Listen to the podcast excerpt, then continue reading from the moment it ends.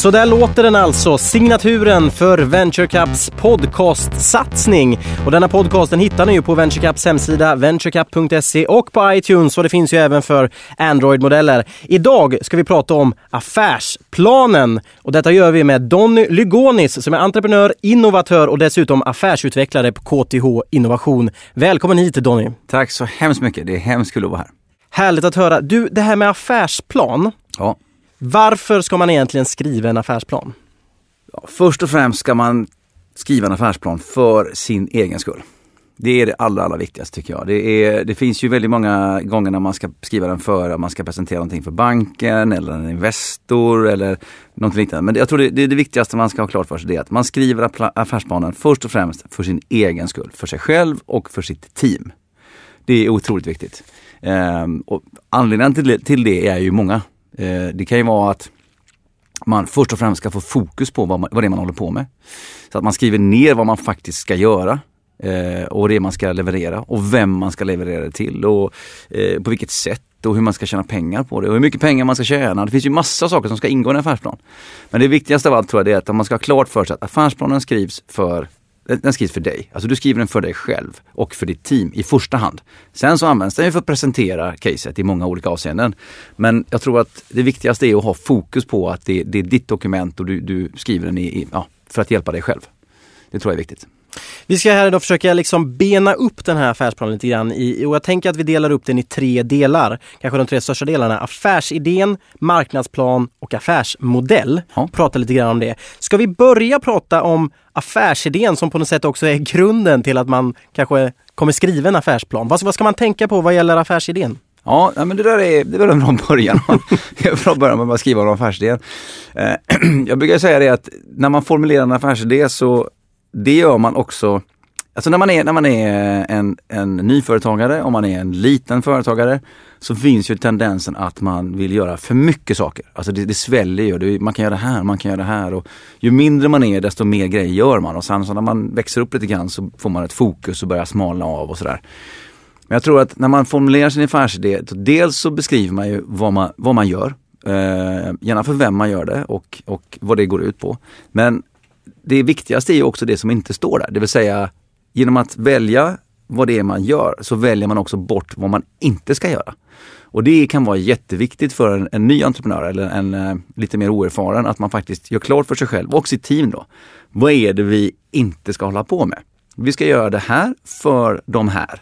På det här sättet kanske. Det, är, det är ju en sån klassisk, liksom, så enkel grej. Då, eh, och då har man också direkt valt bort saker. Vilket kan vara, det är oftast en väldigt läskig grej att göra. För man är osäker och man, man vill helst göra allt åt alla. Eh, men man kan inte sälja allting till alla. För det slutar bara med att man inte får sålt någonting till någon egentligen. Man måste liksom våga välja, man måste våga vara spetsig.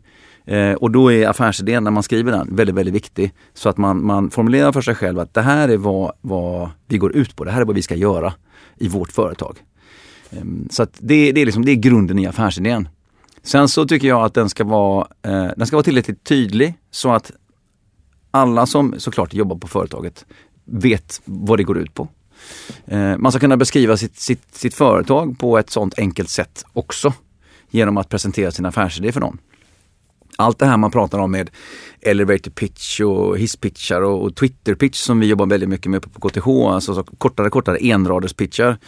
Eh, det är ju egentligen så är det ju ett, det är ju, alltså det är ju din affärsidé liksom. Vad är det du gör? Eh, I vilket syfte? Och eh, det kan vara bra att kunna förklara för att, menar, ska man vara riktigt ärlig, det är ju kanske aldrig någon som har sålt någonting i en hiss. Den här med elevator pitch grejen va. Men däremot så har man ju den här enraders meningen på sig att väcka ett intresse. Så man måste kunna koka ner det man gör och varför man gör det och vilket syfte man gör det till. Det, det måste man kunna koka ner på ett sånt enkelt och tydligt sätt så att det ryms i en en till två raders beskrivning av vilka vi är. Kan man, kan man hårdra det så pass att säga att klarar man inte av att förklara sin affärsidé som en hisspitch på en eller två rader så är det ingen bra affärsidé? Ja, ja, per definition så är det så, absolut visst är det så. Det betyder inte att idén i företaget är dåligt, men det betyder att beskrivningen är dålig.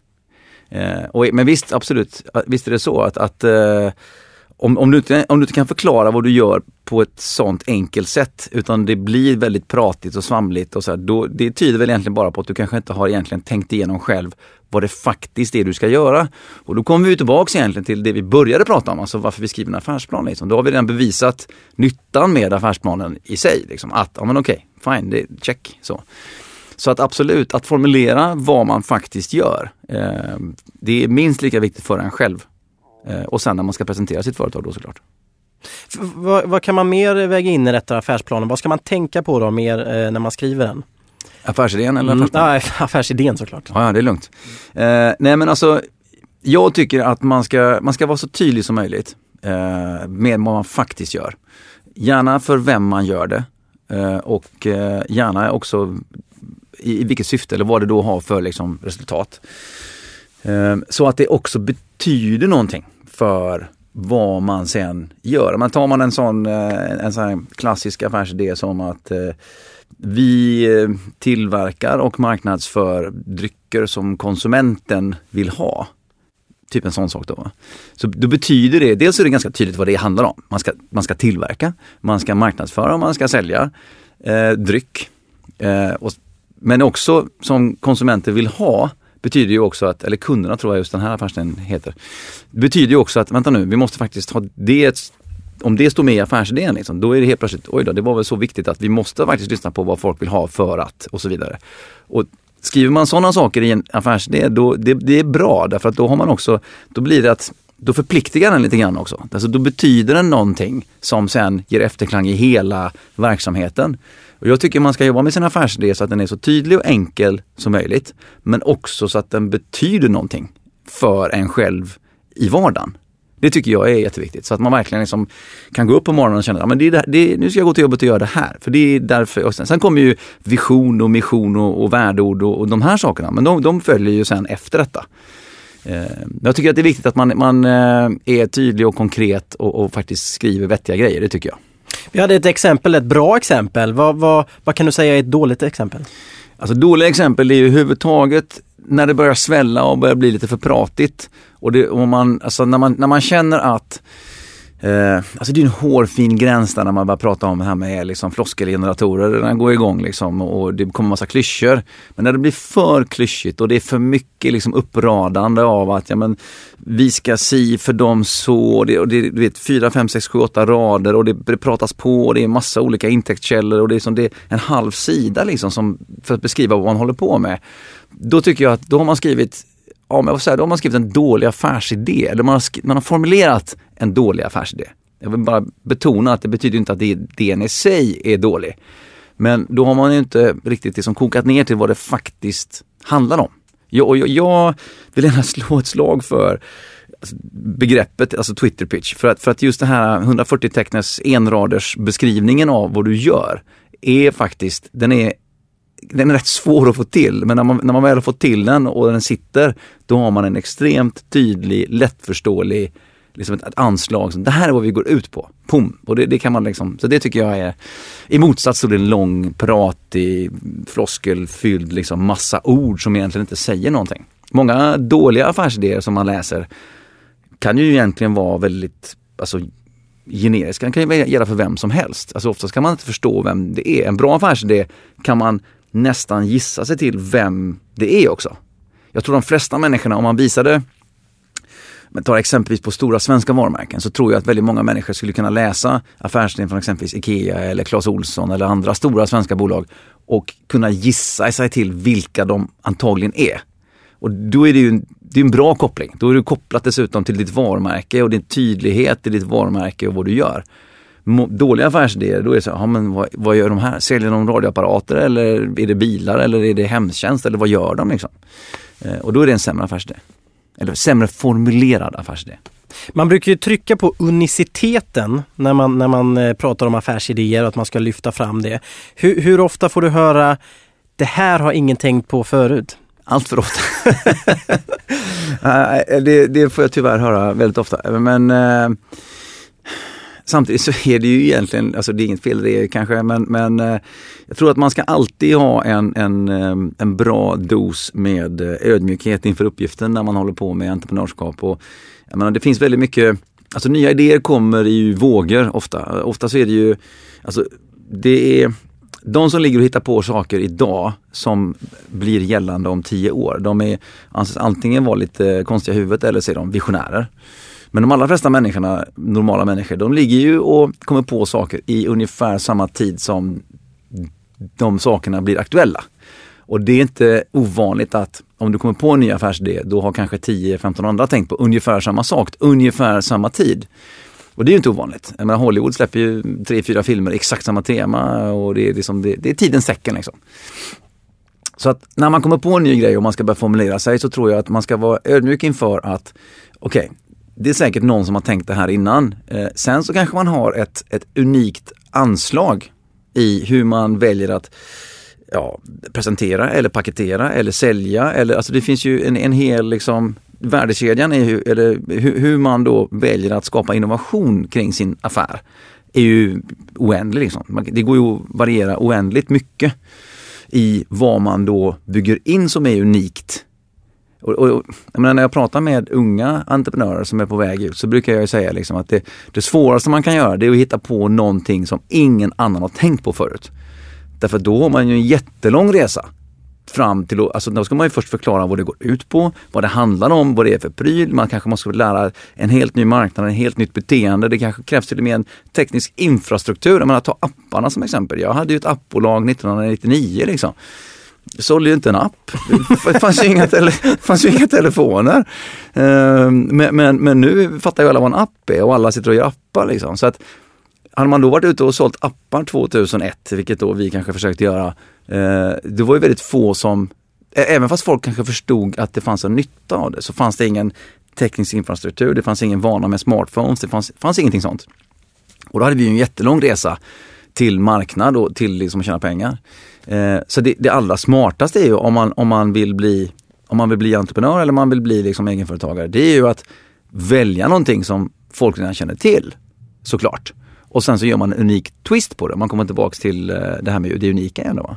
Så bygger man in en unik twist på det istället. Någon innovation i hur det paketeras eller hur det säljs eller hur det tas betalt. Affärsmodellen då som vi kommer till sen. Där är det ju en grej, där kan man jobba jättemycket med innovation. Telekombolagen har jobbat mycket med innovation där, hur man tar betalt för abonnemang och så vidare. Så att, men tillbaks till din fråga då som var hur ofta jag hör att det här har ingen tänkt på förut. Det, det, det, får jag ofta höra. Min första fråga när jag träffar folk det är att har du googlat på det här? Därför att när man googlar på sin egen grej så, så får man ofta se att det finns andra som har tänkt på ungefär samma saker. Och idag är ju även alltså, både varumärkesdatabaser och patentdatabaser är öppna på ett helt annat sätt idag. Du kan ju googla dig in på amerikanska patentdatabasen och, och se om det finns patent och sådär. Och har man hittat på en pryl som är exempelvis mekanisk, mekanik och rörliga delar och sådär, det har vi hållit på med ett par, tre hundra år. Så att det finns väldigt många patent kring mekanik. Alltså vi hade en kille som hade uppfunnit en helt ny växellåda som var helt fantastiskt bra. Eh, och alla tyckte det var wow, det var det bästa de har sett i växellådeväg på oh, någonsin. Och sen när vi gick in och tittade i patentdatabasen då hade Renault ett patent från 1911 på en identisk pryl. Så att just, ja, men, bara som exempel då alltså. Så, eh, en viss ödmjukhet inför uppgiften men Självklart så handlar det om att försöka bygga in en twist på, men vad är det då som gör oss speciella? För någonstans, eh, någonstans i den här resan där man också ska liksom framställa sig själv och sin idé, så gäller det ju också att övertyga både kunden eller investeraren eller banken eller vem den är, teamet kan det vara. Så det gäller att övertyga folk om att varför ska de välja dig och din idé? Och har du en bra idé men ditt team är sådär, ja då kanske man inte väljer er ändå. Har ni ett jättebra team och, ide och idén är sådär, ja men då kanske man väljer er. För att man tycker att ja, men det här teamet kommer att få det att bli av.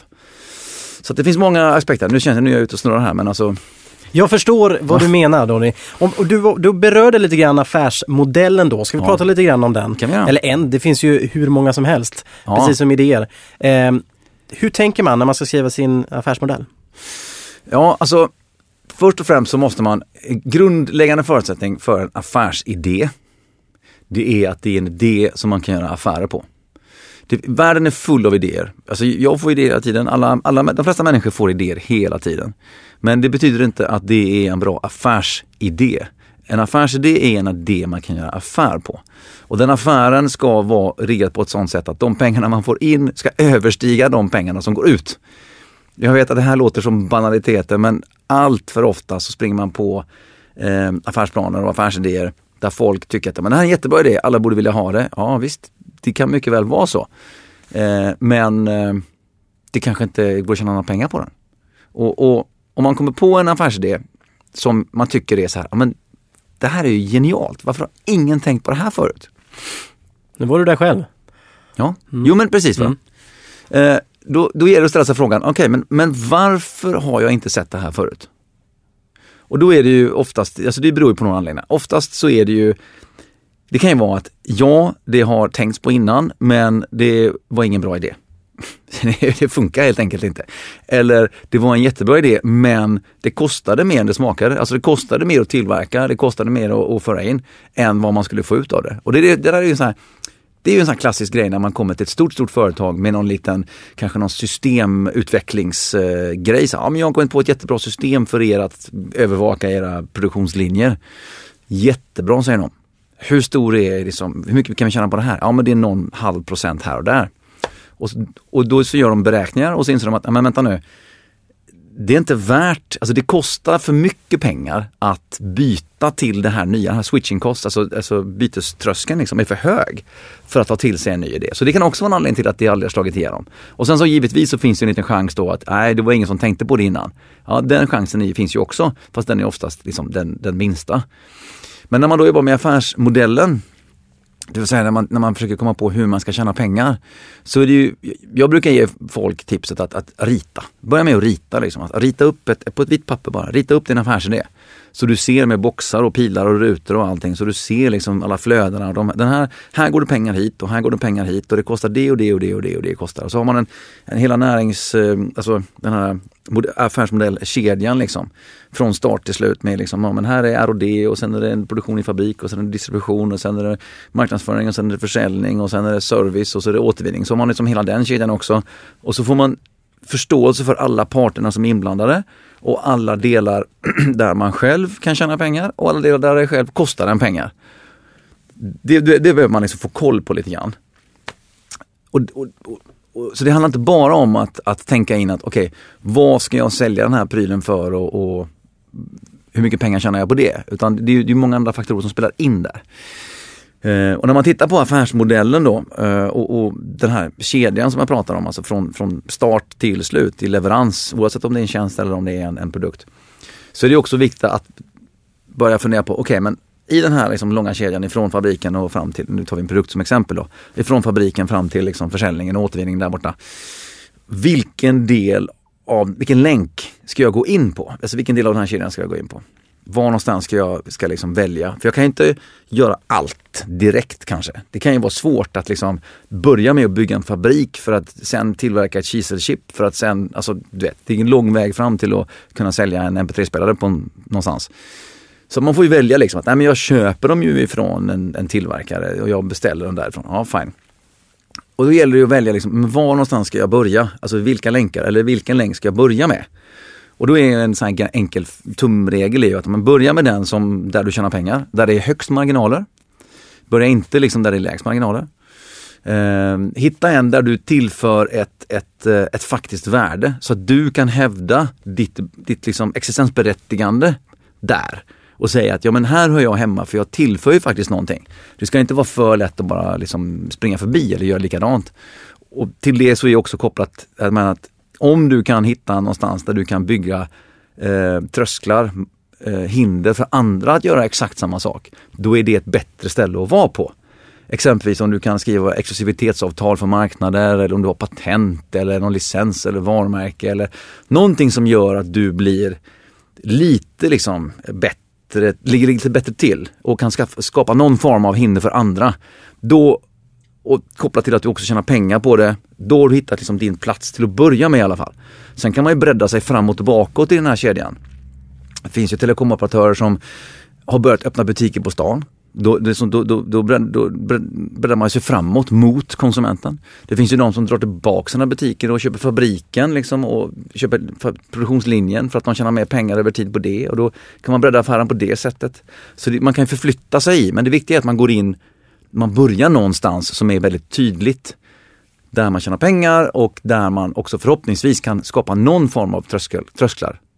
Eh, det, det är ett bra liksom, utgångspunkt, ja, sätt att tänka i alla fall. Går det att säga att det finns en, en bra och en dålig affärsmodell? Ja, om, man, om man ska liksom, om man ska, nu, nu pratar vi lite olika begrepp här. Vi pratar ju både affärsmodellen som liksom, eh, kedjan då som jag pratar om. Vi pratar också om affärsmodellen om att hur jag tjänar pengar. Eh, så att inte de som lyssnar blir helt förvirrade här. Men, men, om man då tar din fråga som ställd till den andra beskrivningen, alltså hur jag tjänar pengar. så, så skulle jag vilja säga att om, okay, vi generaliserar, om vi generaliserar grovt så skulle jag vilja säga att om man utgår igen från affärsidén och en affärsidé är en idé man kan tjäna pengar på. Och kärnan på den affären ska helst vara en primär intäktskälla som är tydlig. Alltså, här är en grupp människor som är villiga att betala så här mycket pengar för den här produkten eller tjänsten. Punkt. Liksom. Och de pengarna överstiger produktionskostnaderna och leveranskostnaderna och allting sånt där. Bra, vi tjänar pengar. Så fort det börjar bli så här, ja vi har åtta olika intäktskällor och de sammantaget bör nog se till att vi kanske tjänar pengar över två, tre års tid och när vi väl får volym på alltihopa då dessutom och vi får in internetmarknadsföringen, rödflagg för sådana affärsidéer. Det är svårt. Eh, du vet, då börjar det bli då är det svårt. Alltså när, när det börjar bli när man måste pussla och limma och klistra och klistra för att få ihop tillräckligt mycket intäkter för att det ska täcka. Det skulle jag säga, det, det är, en, det är en, en sämre affärsmodell. Eh, den, en, en, bättre är att det finns en tydlig affär, det finns en, en tydlig kund som betalar, liksom, det är en primär kund som betalar liksom ett, ett ja, det, det skulle jag säga är bättre än att ha liksom ett, ett, ett virvar av en karta av intäktsströmmar som ska, sammantaget ska. Givetvis kan man tjäna pengar på fler saker. Eh, men det är i sådana fall liksom utöver den primära intäktskällan. Det låter som att tydlighet genomsyrar ganska mycket här. Oh ja. Mm. Oh ja. Om vi då kollar på marknadsplanen, den sista delen som vi delat upp affärsplanen i. Ja. Därav, hur, hur tänker man? En marknads, eh, marknadsplan? Ja, eh, tydlighet är ju då... Nej men, men, men, faktum är att, att eh, det, jag skulle gärna vilja fortsätta med det, eh, med tydligheten där. För att oavsett om du, om du hittar på någonting som du tycker att hela världen borde köpa eller borde kunna köpa. Så det är alltid någon som är liksom din, din primära kund. Din första kund. Och det är samma sak där, alltså, du måste, man måste börja med någonting. Man måste börja någonstans. Och den stora skillnaden mellan affärsplanering idag och för kanske 15 år sedan, om man ska bara göra en liksom kort liksom tillbakablick. Eh, men för 15 år sedan så var det väldigt mycket, jag menar, då, då skrev man en affärsplan, det skulle vara ett 20-30-sidigt dokument och det skulle vara den, den här, här nidbilden vi har av affärsplan idag, det, är lite, det tycker jag är som det är affärsplan från 90-talet. De här, de här tjocka luntorna som ingen läste. Idag tycker jag att man ska se affärsplanen som ett agilt verktyg, ett väldigt rörligt verktyg. Innovationsplan, affärsplan, affärsutvecklingsunderlag. Någonting som är mycket mer snabbrörligt. För att vår, vårt entreprenörskap idag är mycket mer snabbrörligt än vad det var för 15 år sedan. Vi är mycket mer, mycket mer iteration idag. Ut, träffa kunden, fort få återkoppling och testa, gör om, ut igen. Internet har påverkat inte bara internet utan också hur vi gör affärer generellt sett. Vi är mycket mer kundorienterade, vi är mycket mer iterativa i vår utvecklingsprocess idag. Och det kommer tillbaks till marknadsplanen också, för det där handlar det om att hitta den första kunden. Och sen så kan man beskriva, man kan beskriva sin, sin, eh, sin kund över tid. Alltså, de här är mina första och sen så vill jag in på de här sen och mitt mål är att komma in på de här.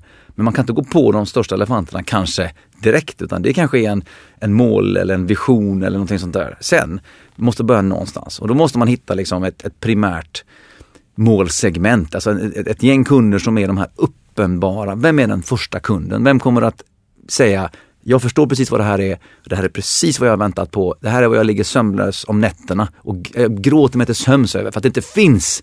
Det är de som man ska hitta och paketera för. Jag brukar prata om det här med share of mind och share of time och share of wallet.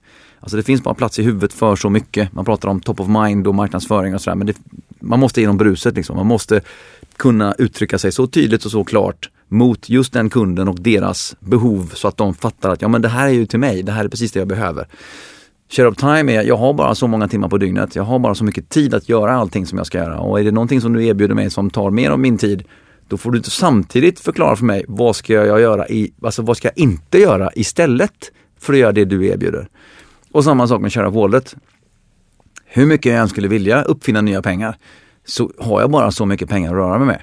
Om du kommer med en ny tjänst, en ny produkt till mig eller ett alternativ produkt till mig, då måste du i din retorik förklara för mig också, vad är det, du ska, vad är det jag ska byta ut för att kunna köpa din pryl istället? Varför ska jag välja dig istället? Varför ska jag välja din tjänst eller produkt istället för det jag redan använder?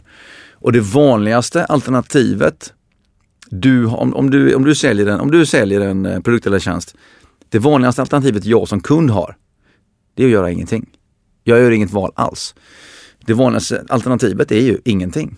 Eh, så du måste först och främst övertyga mig om att det här är en bra grej. Sen när jag väl har kommit så långt att, ja men okej, jag kanske ska ha en sån här grej. Då ställs jag inför att den här grejen i förhållande till alla andra grejer som finns där ute. Hur, och varför ska jag välja din? Och då är det pris, men det är också väldigt mycket känslosamt styrt. Vad är det som styr? Och då kommer vi in på det här med varumärken och ladda varumärket och hur du differentierar dig mot andra. Och kanske ska man vara den, det dyrare alternativet bara för att. Eller så ska man kanske vara det billigare alternativet bara för att. Det, det, väljer, det gäller att veta det. Eller det gäller, det gäller att välja fot liksom. Man måste börja någonstans. Eh, och, och, välja liksom, vem ska man, och, och, våga vara spetsig. Det tror jag. Jag tror att det är det, är det många gör fel, att de försöker eh, vara allt för alla. Och det som jag sa i början, försöker man sälja allt till alla då får man inte sålt någonting till någon. Det är bättre att du är spetsig och får en affär och driver hem den ordentligt. Då får du ett djup där och sen kan du börja bredda den på olika, uppåt, neråt, framåt, bakåt och sidan. Donny Legonis, Tiden går fort när man har roligt. Jag tycker ändå att vi summerar lite grann med ordet tydlighet. Hur låter det? Ja, det Vad gäller helt, affärsplanen? Det är helt underbart. om ni vill veta mer och höra mer om, om, om Donny så kan ni gå in på VentureCaps hemsida där ni också laddar ner den här podcasten och så klickar ni in på Region Öst och utbildningsserien så finns hela din föreläsning som du höll på på Handelshögskolan eh, där man kan titta på och få ännu mer fördjupning i just affärsplanen. Precis. Tack för att ni har lyssnat och tack för att du kom Donny. Tack så du Tack för, tack för idag. Hey, hey.